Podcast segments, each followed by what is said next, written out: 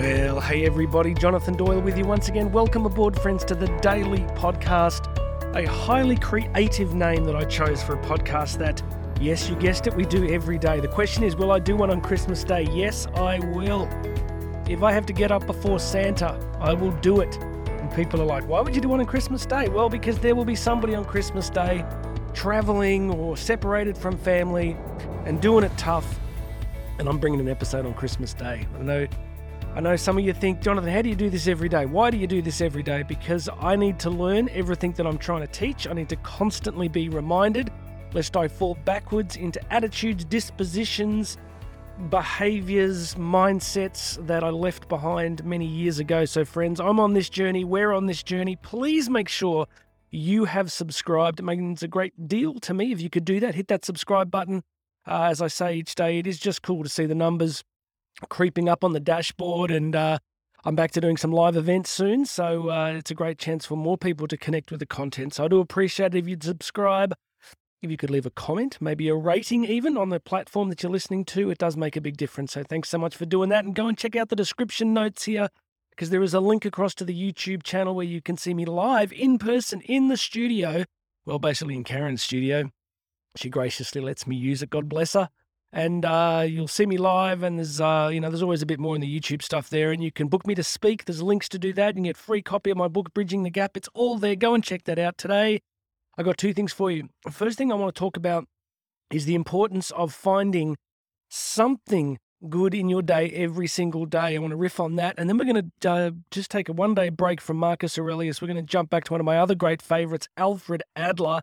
Um, you know, interesting guy, right? Like, uh, I like a lot of his psychology. Um, Viktor Frankl made the point that Freud, Freud's baseline philosophy of, I guess, existence was the the vector of aspiration of the human person was towards pleasure. That we're basically pleasure-seeking creatures, and uh, that has all sorts of ramifications for reality.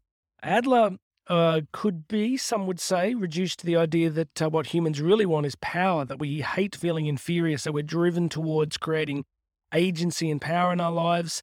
Um, so, as an early student of Adler, I'm still digging through his work, but uh, I just like, I think there's a lot of common sense in what he has to say. Look, no one's going to be perfect, right? No philosopher is going to be perfect. You take someone like Friedrich Nietzsche, who was just utterly brilliant, yet pretty much gave us a lot of the philosophy that uh, the Nazis were very fond of.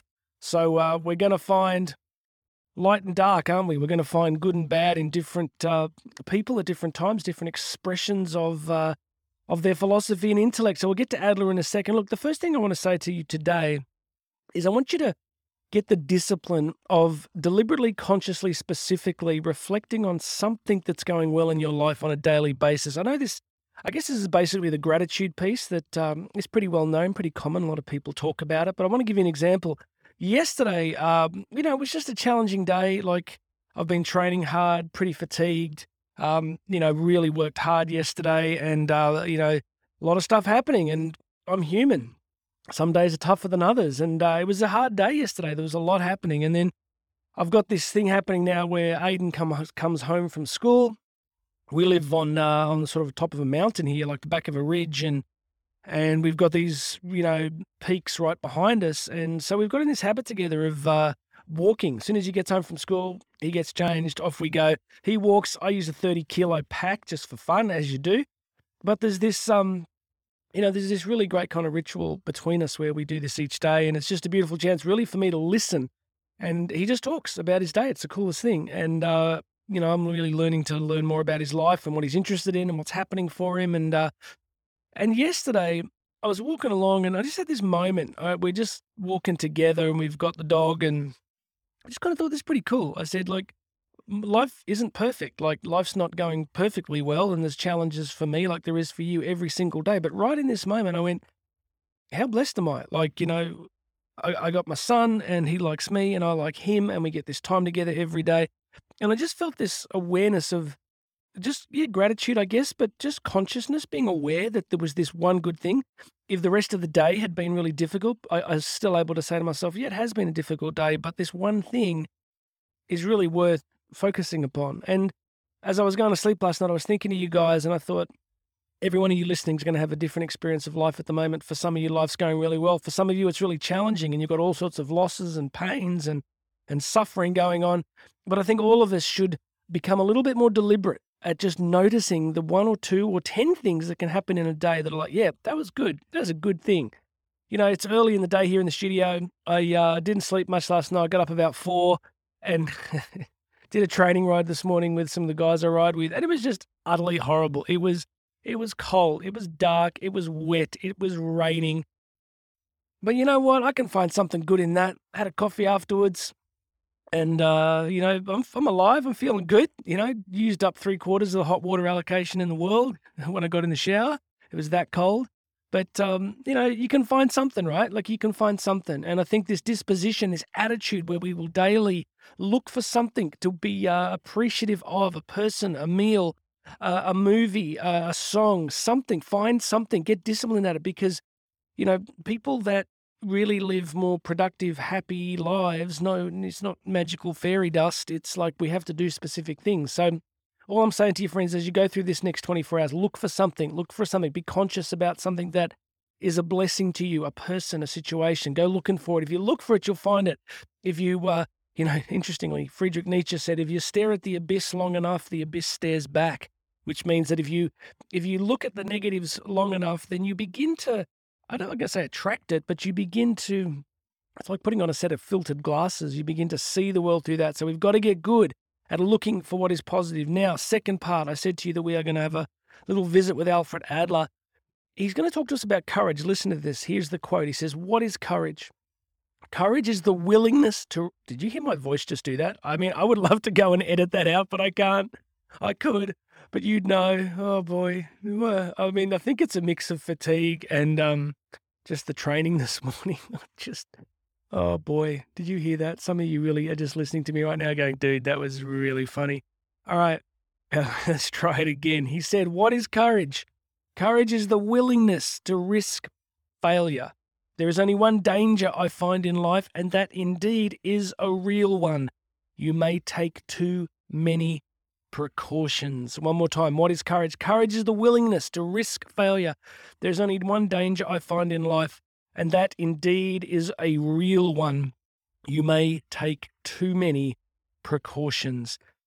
I am deeply convinced that we live in the realm of safetyism. There has been, you know, one of the philosophers that I'm reading lately, a guy called uh, has made the point that we're seeing a strange phenomenon in democracy where power, particularly executive power, is being disseminated further and further down through bureaucratic organizations. But so what it means is in the olden days, as my kids like to say, the olden days, you voted for a government and there was an executive and then there was bureaucracy, right? There were people that implemented the uh, the legislative and executive edicts, but it wasn't the sheer size that it is now. Um, it was really under Barack Obama that we saw a kind of move towards a vast expansion of the public sector, and it's kind of it means take this nicely because I know many of you might be working in the public sector. Just hear this for what it is.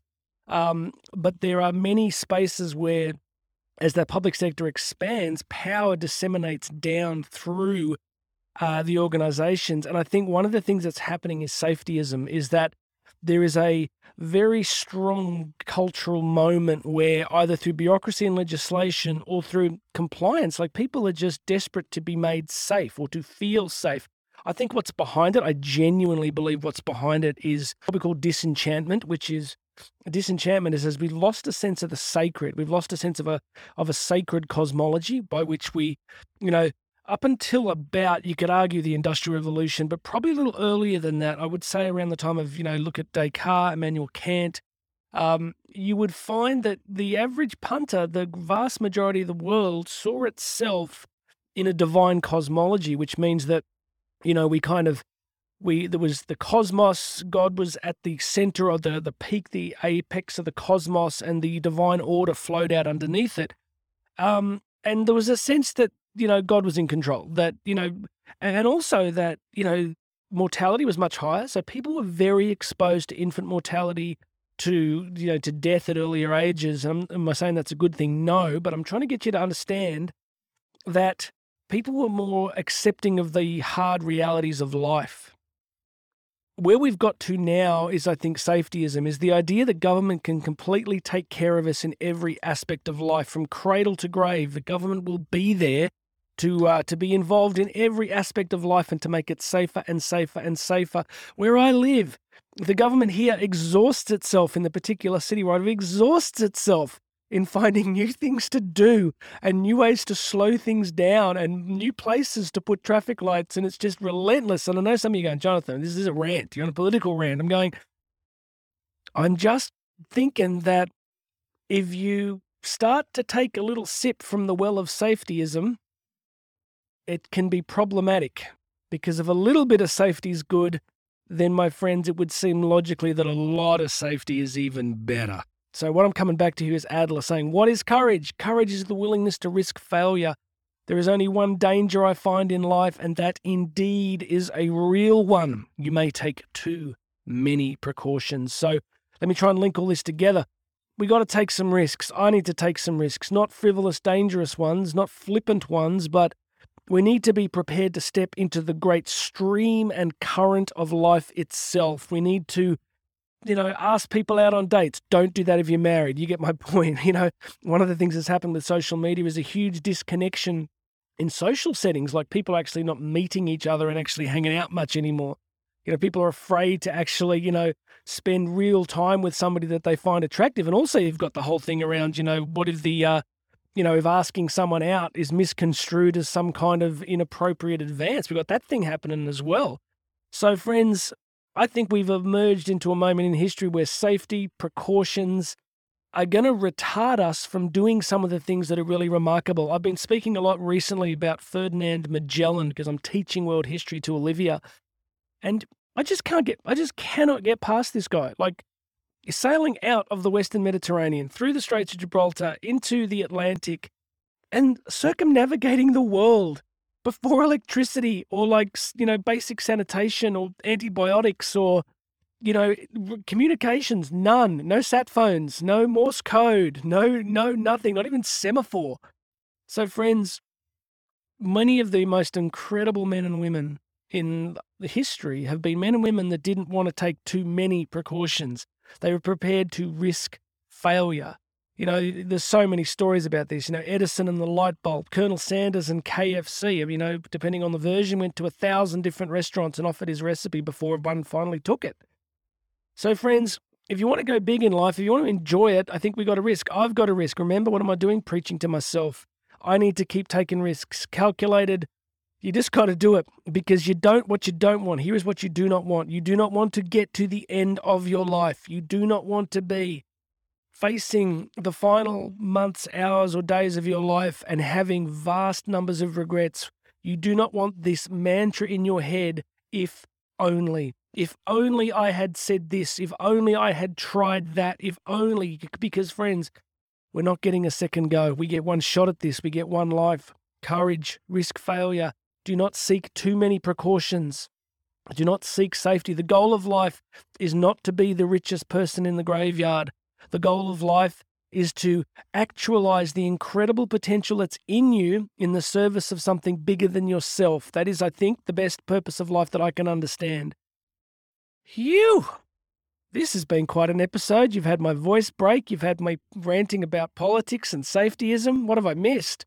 Well, listen, whether you agree with me or not, I do care about you. I, I do care that you, I believe you've been created by God with a purpose and a meaning to your life, and that you have unique abilities, gifts, and talents that nobody else has, and no one else has them in the combination that you have, and that you're meant to do something remarkable with them. And if we stay too safe and take too many precautions and avoid being courageous and taking the occasional risk, then the music, my friend, dies with us.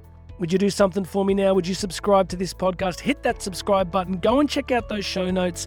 Get a free copy of my book, Bridging the Gap. Book me to speak. It is all there, my friends. All right. You've done well. You've hung in this far. God bless you, everybody. My name's Jonathan Doyle. This has been the Daily Podcast. Get out there, find something to be grateful for, find one thing that's special or beautiful in the next 24 hours. Don't take too many precautions. Take a risk today, okay? Doesn't mean you know, dropping into a 15 foot skateboard half pipe. It doesn't mean, you know, paddling out the back in 50 foot surf. It just means do something that's going to stretch you a little bit. God bless you, everybody. My name's Jonathan Doyle. This has been the Daily Podcast. You and I are going to speak again tomorrow.